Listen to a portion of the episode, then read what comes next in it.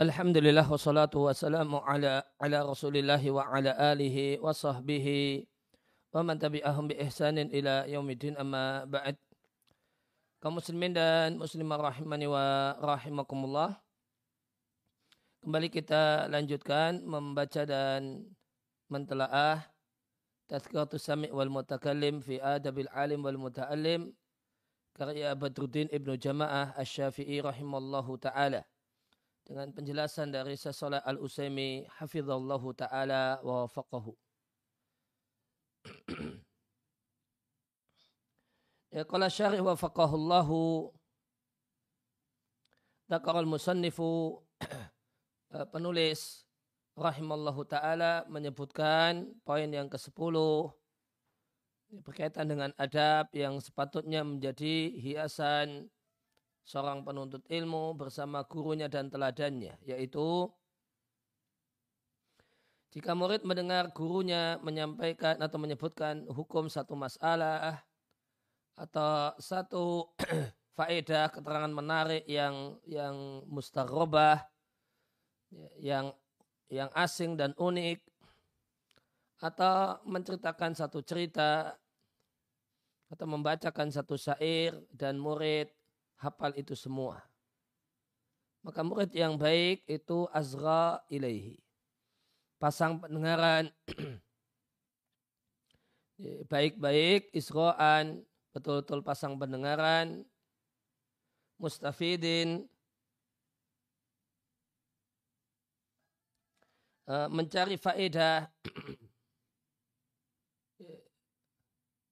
Mustafidin lahu fil hali ya, mencari faedah dan belajar. Ya, dan menampakkan diri kalau sebagai seorang yang ya, mencari faedah dan mendapatkan faedah ketika itu. Ya, menampakkan diri sebagai seorang yang uh, kehausan ingin mendapatkan ya, ya, kehausan dengan apa yang disampaikan oleh guru dan gembira dengannya seakan-akan belum pernah mendengarnya sama sekali. Lianna hadha karena hal ini adalah bagian dari husnil iqbali alaihi. Ya, memberikan perhatian yang bagus. Ya, memberikan perhatian yang bagus kepada guru. Fakama ana syekha akbala alaika. Maka sebagaimana guru memberikan perhatian kepada wahai murid lantas ya, afadaka bima afadaka bihi dan memberikan faedah atau pelajaran dengan pelajaran-pelajaran yang beliau sampaikan berupa hukum satu masalah atau keterangan menarik yang lang langka dan dan unik atau cerita-cerita yang ya, cerita-cerita yang menarik atau syair yang bagus Fayambari maka sepatutnya Anda wahai murid uh, merespon guru ya, juga demikian yaitu dengan kelembutan wahusni kabulin menerima yang disampaikan guru dengan baik ya, husni kabulin lima yakulu menerima dengan baik apa yang guru sampaikan meskipun engkau sebenarnya sudah mengetahuinya. Kemudian penulis rahimallahu taala ya, menyebutkan ya, kisah atau Ibn Abi Robah dalam masalah ini. Atau mengatakan, sungguh aku mendengar hadis dari seseorang dan aku lebih mengetahui ya, tentang hadis itu dibandingkan dia. Namun aku perlihatkan kepadanya Aku perlihatkan, aku nampakkan kepada pemateri tentang diriku bahasanya aku tidaklah mengetahui hadis tersebut sama sekali.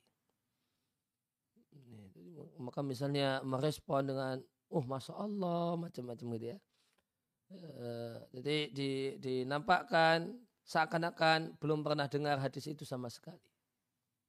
Padahal sebenarnya Atta itu lebih mengetahui hadis tersebut daripada orang yang menyampaikannya. Wa anhu dan dari Atta bin Abi Rabah juga beliau mengatakan sungguh ada anak muda yang menyampaikan satu hadis dan dan aku pun menyimaknya seakan-akan aku belum pernah mendengar hadis tersebut padahal aku telah mendengar dan mengetahui mempelajari hadis tersebut sebelum anak muda ini lahir ke dunia. Kemudian di antara adab adalah jika guru uh, Eh, menanyai murid inda syuru'i fi dhalika ketika mulai memberikan pelajaran. An hifdhihi lahu apakah uh, sudah hafal apa yang akan disampaikan maka jangan ya, mengatakan langsung mengatakan naam iya. Dicontohkan ka'ayakula semisal guru menyampaikan ta'riful abiyat apakah engkau mengetahui bait syair yang disebutkan oleh fulan tentang masalah ini dan itu? Atau guru menyampaikan pada muridnya uh, tolong sebutkan pendapat yang dipilih oleh Ibn Abdul Bar Al-Maliki dalam masalah ini dan ini atau masalah-masalah yang lainnya. Maka jika guru bertanya kepada murid tentang hal tersebut Wakana arifan dan murid ini sebenarnya sudah tahu. Maka jangan segera menjawab dengan mengatakan iya.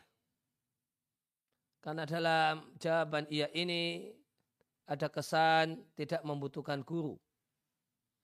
Namun jangan juga mengatakan tidak tahu. Karena berarti bohong. Namun yang benar, sampaikan kalimat yang baik yang berada. Semacam mengatakan, e, saya ingin mengambil faedah tentang hal tersebut dari dari engkau wahai guru. Atau uh, aku ingin mendengarnya, mendengar penjelasan darinya, penjelasan tentang hal tersebut darimu. Aku aku sudah lama uh, uh, sudah lama membaca dan mengetahui hal tersebut, ya, kalau sekarang saya sepertinya sudah agak-agak lupa. Wa uridu tajdidahu. Saya ingin memperbarui hafalanku. Atau mengatakan huwa min jihatikum asah. Huwa min jihatikum asahu. Hal tersebut itu lebih sahih uh, jika berasal darimu. Ya, mengapa uh, disarankan memberikan jawaban-jawaban semacam ini? Lianna dalika karena hal tersebut lebih sukses baginya dan lebih beruntung baginya. Ya, dengan menjawab demikian ini adalah jalan untuk menjadi seorang murid yang sukses dan beruntung.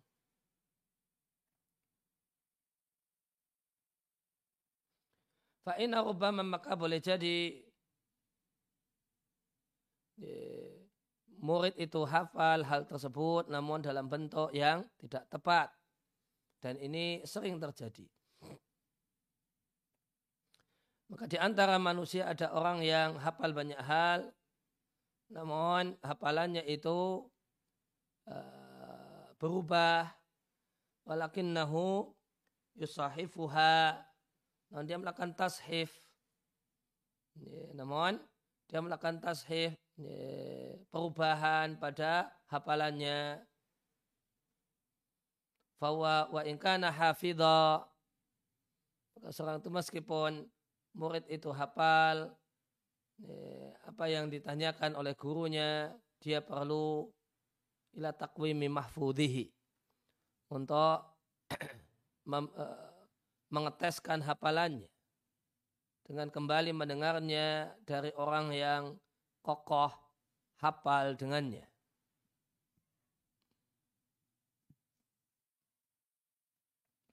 Wakathiran dan sering kali kau dengar banyak orang mengatakan mengomentari sejumlah bait-bait syair yang terkenal. Ini contohnya uh, boleh jadi ada orang yang hafal dengan redaksi wala anna ma yakhfa alaihi yaghibu dan tidaklah apa yang tidak dia ketahui itu ya ribu hilang darinya.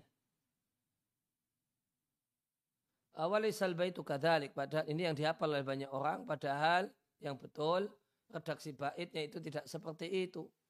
Di Allah la yakhfa syai' karena tidak ada yang tidak Allah ketahui. Wa innama sawabuhu hanyalah redaksi bait yang benar adalah wala annama yukhfa alaihi yaghibu. Dan tidaklah apa yang disembunyikan kepada Allah itu satu hal yang tidak Allah ketahui. Yukhfa ay yusaru disembunyikan dari Allah Subhanahu wa taala. Wa yatakhafa bi al-abdu dan seorang hamba itu uh, menyembunyikan min a'malihi di antara amalnya, perbuatannya. Maka apa yang dilakukan oleh hamba dengan sembunyi-sembunyi itu tidaklah ya ribu anhu, hilang dari Allah subhanahu wa ta'ala. Walaysa kadalik dan tidaklah demikian karena tidak ada yang hilang dan tidak diketahui oleh Allah subhanahu wa ta'ala. Namun jika murid mengetahui dari sikap gurunya, kalau gurunya itu mengutamakan uh, hafalan muridnya dan senang dengannya, atau berisyarat supaya uh, murid itu melengkapinya dalam rangka untuk menguji hafalannya dan hafalannya atau liidhari tahsilihi atau ingin menampakkan Auli idhar tahsilihi atau ingin menampakkan hasil belajarnya maka tidaklah mengapa mengikuti apa yang menjadi maksud guru dalam rangka mencari ridho guru atau dalam rangka menambah uh, semangat guru padanya pada muridnya, semangat untuk mengajar, semangat untuk uh, membagikan ilmu. Artinya jika murid itu mengetahui gurunya menyukai ayakuna arifan bima yadkuruhu suka kalau muridnya mengetahui uh, apa yang dia sebutkan. Fa innahu yukhbiru syekhahu bidzak. Maka semestinya murid menginformasikan pada gurunya apa yang diminta dan diinginkan oleh gurunya.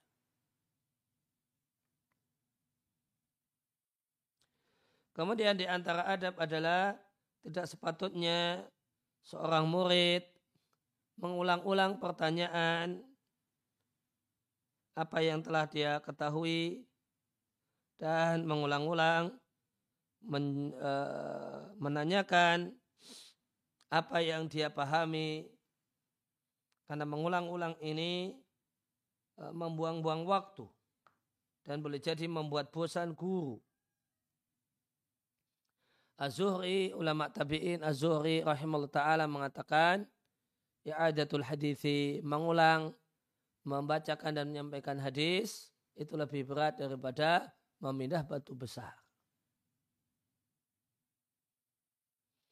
Maka faida talabat talibu jika murid itu meminta pengulangan pertanyaan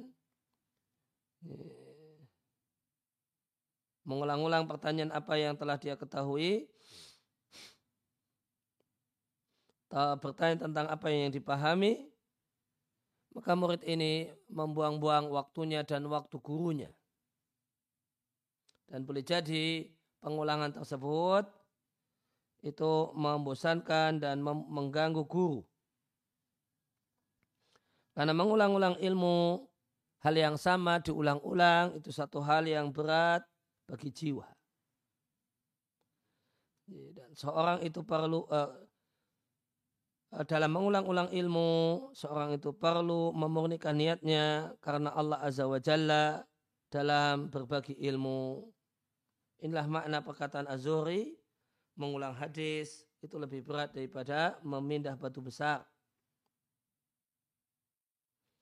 Artinya idza madha wa faragha insanu jika telah berlalu dan seorang itu telah selesai darinya, maka mengulangnya itu satu hal yang berat bagi jiwa.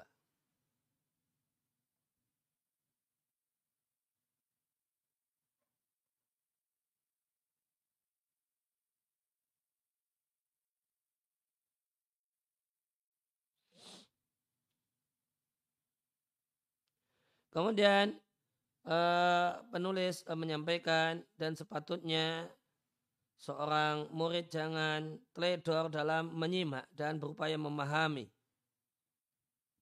Isra itu artinya memasang pendengaran pada gurunya. Fa'ina isra karena isra itu artinya memasang pendengaran dan perhatian kepada guru. Jangan pula dia sibukkan pikirannya dengan memikirkan yang lainnya atau dengan obrolan. Biayastarwiha dzikra syai'in dengan dia uh, mencari hiburan, menyebutkan uh, mengingat sesuatu dalam dirinya lantas larutlah kesibukan pikirannya dengan hal tersebut mufakiran karena memikirkannya dalam keadaan memikirkannya. Ya karena dia asik mikirkan yang lain. Setelah itu dia meminta agar guru mengulangi apa yang telah guru sampaikan apa yang telah guru katakan atau malah murid ini sibuk ngobrol dengan kawannya atau tetangga sebelahnya dalam majelis pengajian. Setelah itu dia minta gurunya untuk mengulangi apa yang guru sampaikan. Maka ini satu hal yang eh, satu sikap yang tidak berada. Maka sepatutnya ini tidak dilakukan di anadalika isaatu adabin karena hal tersebut adalah adab yang jelek. Karena semestinya seorang murid itu memasang pendengaran untuk perkataan guru, menghadirkan pikiran, apa yang dia dengar sejak sejak pertama kalinya. Sebagian guru tidak mau mengulang jika karena mengulang mengulangi jika karena kasus semacam ini. Eh, ini tidak mau mengulang di mislihada untuk murid semacam ini jika dia minta untuk diulang. Eh, dan dia akan akan dia tegur murid tersebut sebagai hukuman baginya. Yas uh, buruhu artinya yas juruhu melarangnya. Zabar sama dengan zajar. Secara wazan cara baca wa makna dan artinya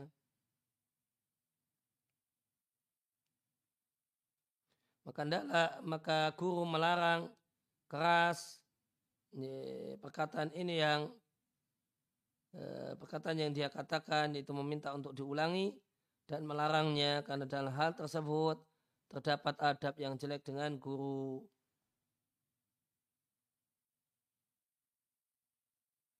Karena seorang guru ketika duduk mengajar, fatakallama lantas berbicara, maka guru tidaklah berbicara kepada sebagian orang-orang yang belajar ilmu darinya dan berbicara kepada semua orang yang belajar.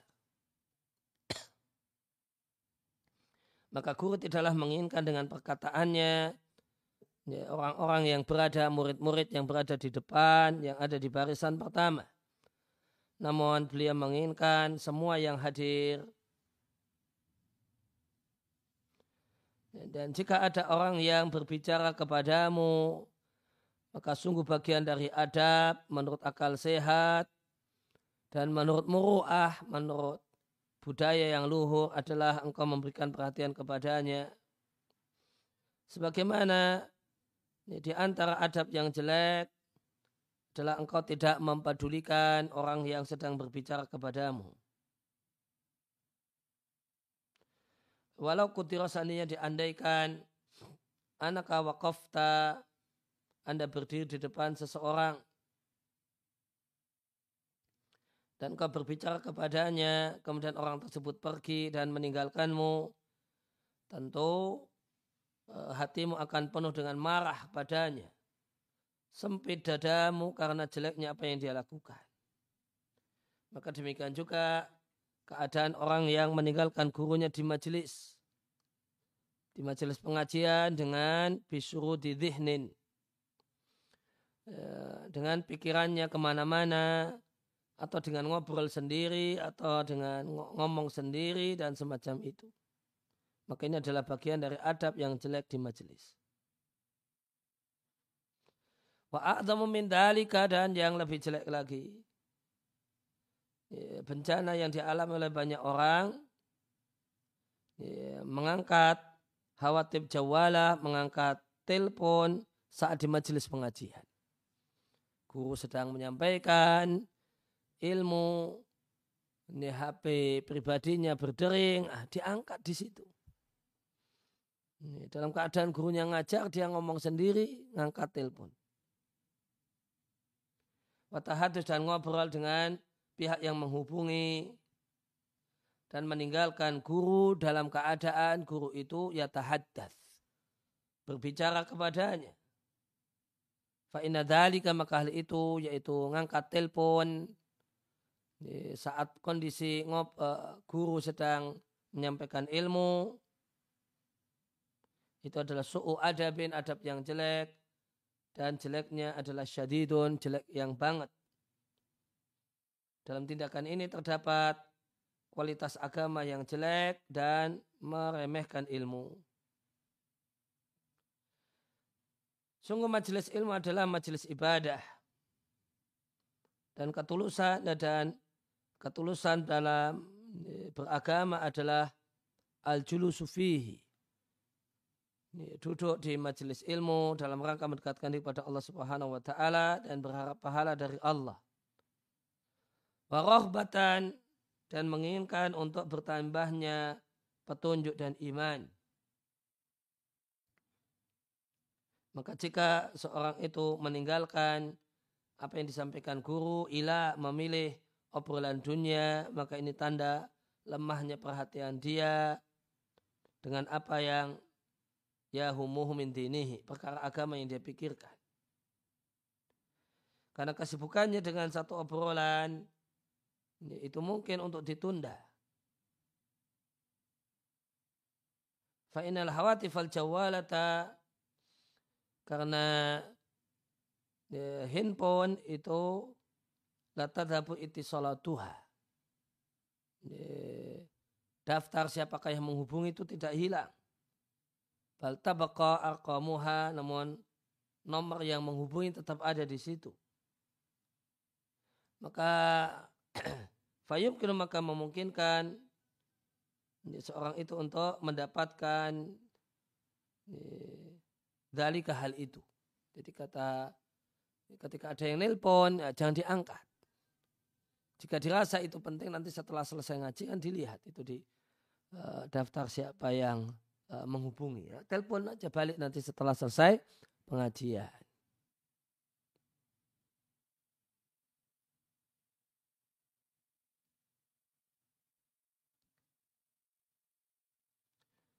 Nah ini tadi telepon dalam keadaan uh, guru menjelaskan ini jelek.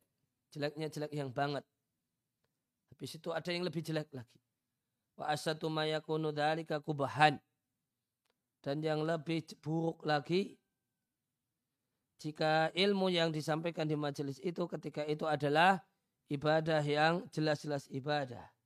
Semacam dibacakan ayat Al-Quran, dibacakan hadis Nabi Shallallahu Alaihi Wasallam maka jika yang dibacakan adalah firman Allah Ta'ala atau perkataan Nabi Shallallahu Alaihi Wasallam, maka meninggalkannya dengan maka dalam tanda kutip meninggalkannya dalam bentuk ngangkat telepon ini adalah tanda lemahnya iman. Ya, kalau uh, guru berbicara dan itu perkataan guru, penjelasan guru dan ditinggal ngangkat telepon, ya, maka itu ya, adab yang buruk sekali. Tapi lebih buruk lagi jika guru ini sedang membacakan ayat Al-Quran. Sedang guru ini sedang menyampaikan dan membacakan hadis Nabi Shallallahu Alaihi Wasallam.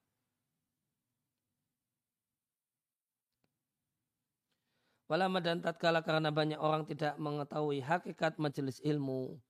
Mereka menyangka bahasanya majelis ilmu itu turadu diinginkan dengan adanya majelis ilmu dalam rangka mengambil informasi. Wa ya innama turadu padahal majelis ilmu hanyalah dimaksudkan untuk mendekatkan diri kepada Tuhannya bumi dan langit. Fa'inan nasa maka manusia itu bertingkat-tingkat dalam informasi-informasi yang mereka dapatkan. Sebagaimana para guru itu pun bertingkat-tingkat eh, kadar ilmunya. Walakin manja'a, namun siapa yang datang di majelis ilmu dengan niat ini dan baik niatnya dia akan mendapatkan pahala yang besar dari Allah. Wa ilam yakun alima meskipun dia tidak menjadi seorang yang berilmu, seorang ustadz. Wala takharaja dan tidaklah lulus sehingga berada dalam barisan para pengajar yang me, me, mengajar untuk banyak orang. Maka Rubama boleh jadi ada orang yang dia dapatkan dari majelis ilmu adalah pahala majelis ilmu. Dan itu lebih uh, pahala itu lebih besar dan ini adalah satu hal yang lebih agung daripada keberuntungan orang yang mendapatkan informasi yang jauh lebih banyak daripada dirinya. Maka boleh jadi orang yang datang ke majelis ilmu dan hanya dapat pahala, itu lebih mulia daripada orang yang datang ke majelis ilmu dan dia mendapatkan informasi yang jauh lebih banyak dibandingkan orang yang pertama.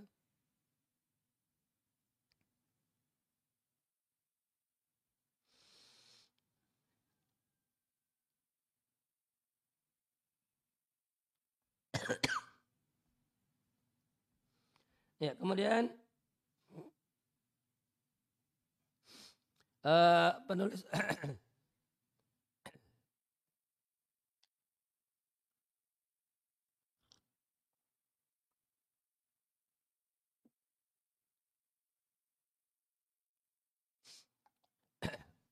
Nih, jika murid tidak uh, kemudian disampaikan oleh penulis, jika murid tidak mendengar gurunya karena jarak yang jauh, atau tidak faham padahal sudah sudah pasang pendengaran dan sudah perhatian dengan guru. Maka murid ini boleh meminta pada guru untuk mengulang penjelasannya atau meminta pada guru agar memahamkannya setelah menyampaikan udurnya dengan pertanyaan yang baik. Maka jika posisinya jauh, falam yasma' lantas murid tidak mendengar perkataan guru atau tidak paham padahal sudah pasang pendengaran maka murid boleh meminta pada guru untuk mengulang apa yang beliau sampaikan dan memahamkan murid setelah menjelaskan udurnya dengan pertanyaan yang baik. Bukan dengan pertanyaan yang kering semacam seorang yang berkata kepada gurunya hadalladzi tatakallamu bihi materi yang engkau sampaikan itu tidak cocok untuk akal-akal kami. Nah, ini, perkataan yang kalimat yang kasar tentunya.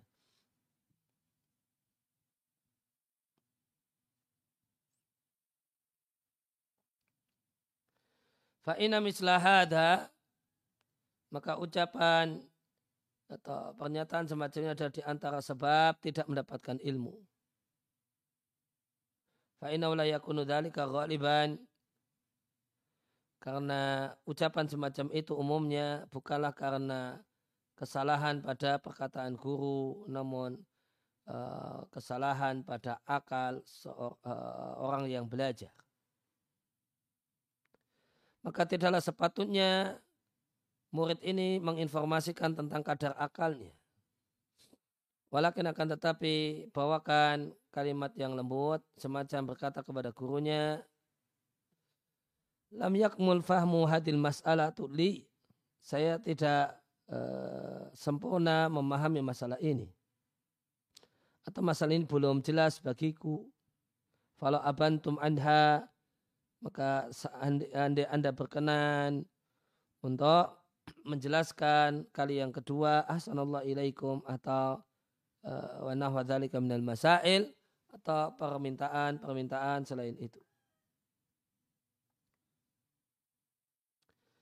Dan sungguh Allah telah uh, Allah Subhanahu wa taala dia telah menyiapkan bi, di masa belakangan ini sebab yang memungkinkan bagi seorang murid untuk mengulang informasi yang disampaikan saat pelajaran yaitu alat rekaman.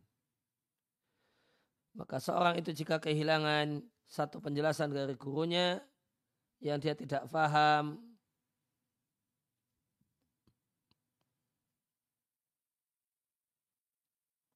dia bisa mengulang penjelasan tersebut sekali, dua kali, tiga kali sampai faham dengan mendengarkan rekaman. Fa'inna ma'al-i'adati husul al-ifadati. Karena dengan diulang-ulang orang itu mendapatkan ilmu.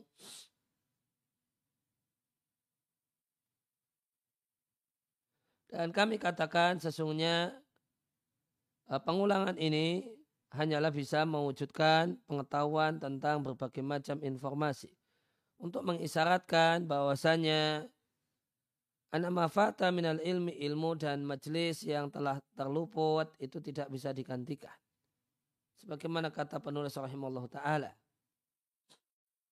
Karena seorang itu jika mengambil pelajaran yang sudah direkam, maka janganlah dia menyangka kalau dia mendapatkan apa yang didapatkan oleh orang yang hadir langsung di, di orang yang menghadir langsung pelajaran tersebut baik hadir langsung secara online ataupun offline. Karena orang yang hadir langsung di majelis terutama majelis offline, dia mendapatkan Eh, nikmat duduk di salah satu rumah Allah. Sedangkan orang yang cuma menyimak rekaman, Anda duduk di rumah. Wasatani sungguh berbeda antara kemuliaan rumah Allah dan kemuliaan rumahmu. Meskipun rumahmu itu bagikan istana yang tinggi. Dan mereka-mereka yang hadir di majelis offline itu dihadiri oleh para malaikat dan dia mendapatkan bagian dari rasa takut, ketenangan, dan kasih sayang Allah dengan kumpul bersama para malaikat. Sebagaimana dalam sejumlah hadis yang diatkan dari Nabi Shallallahu Alaihi Wasallam. Wa anta la yakunu laka hadun min dalika. Sedangkan anda yang hanya menyimak rekaman, anda tidaklah mendapatkan bagian dari ini semua. Karena tidaklah terwujud bagi anda kumpul dengan siapa pun. Karena hanya karena orang yang menyimak rekaman hanya mendengarkan suara yang terjaga dan terekam.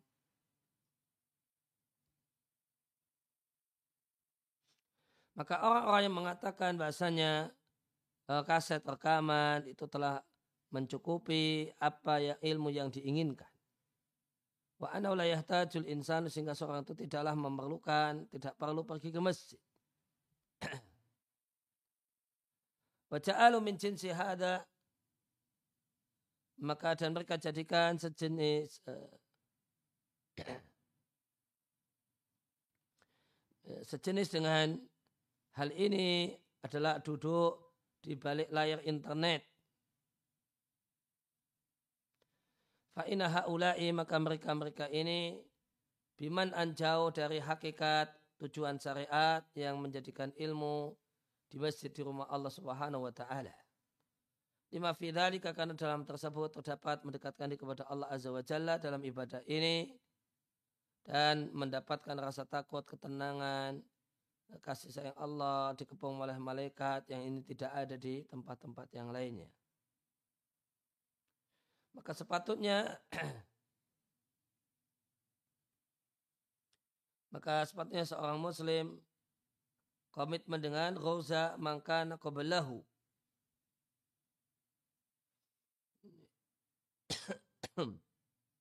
Lewati dulu dan tidaklah meneladani jalan orang-orang yang telah uh, berlalu terdahulu.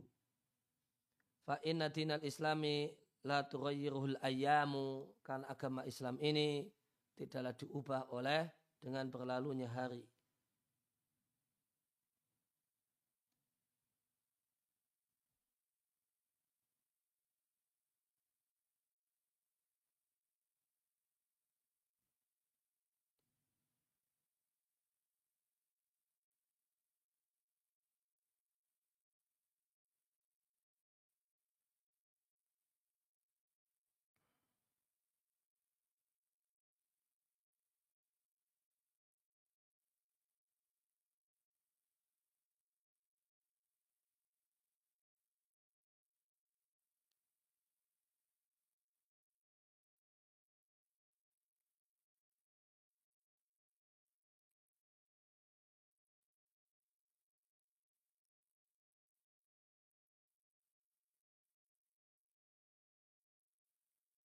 Ilzam ghorza fulan artinya perintah dan larangan. Pegangi kuat-kuat perintah dan larangan. Aslinya al-ghorzu itu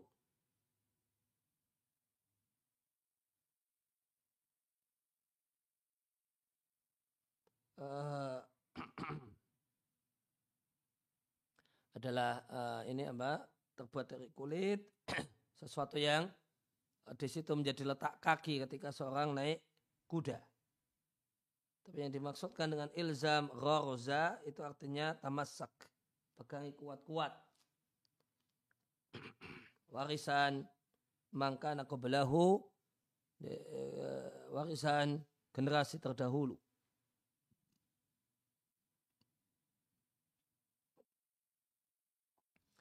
Walhadyu dan perilaku yang diajarkan oleh Nabi Wasallam adalah perilaku yang paling sempurna, paling bagus dan paling maslahat.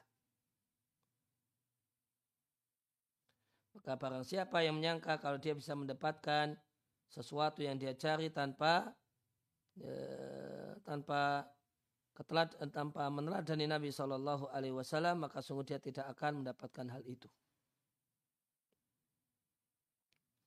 Walau karena tadil asya'u maka seandainya hal-hal ini yaitu rekaman itu sudah mencukupi dan sudah kafilatun mencukupi apa yang diinginkan niscaya hal itu adalah bagian dari ayat Nabi Shallallahu Alaihi Wasallam.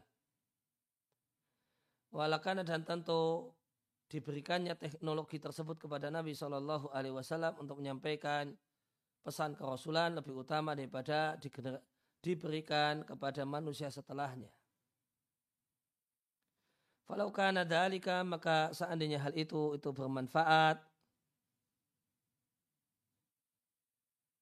lakanatil ardu niscaya bumi itu dibuka untuk manusia sehingga mereka bisa melihat Nabi Wasallam dan benar langsung ketika Nabi berbicara dan berkata-kata. Namun dikarenakan hadir ke majelis ilmu dan mencari agama itu tidak bisa didapatkan illa kecuali pihak kecuali dengan cara-cara terdahulu maka bagi hadal aslu maka tetap eksislah hal ini terjaga dan menjadi satu hal yang baku dalam syariat. Baik kalau nasu au kathu manusia itu jumlahnya sedikit ataukah banyak mereka peduli ataukah masa bodoh mereka mengambil atau meninggalkan. Karena ada seorang nabi yang datang dan tidak ada satupun bersamanya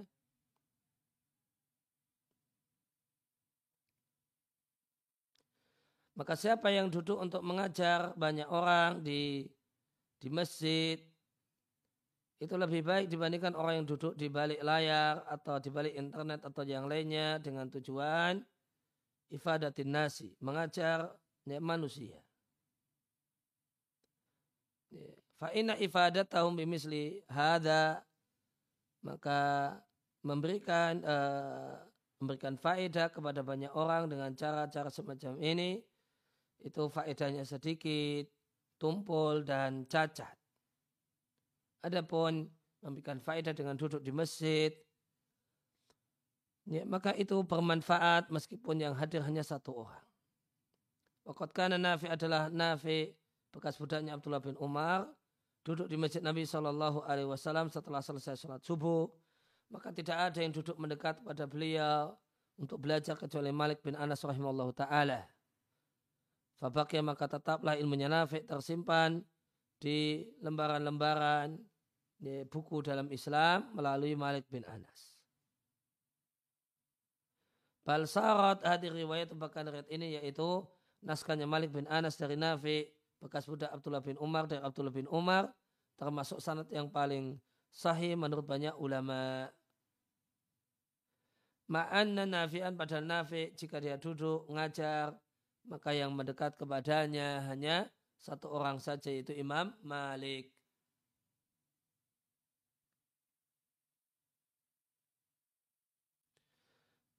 Fa'ayun nufusi sadiqah maka sungguh itu adalah jiwa yang tulus, yang sabar untuk duduk mengajar namun tidak ada yang duduk datang mendekat untuk belajar kecuali satu orang.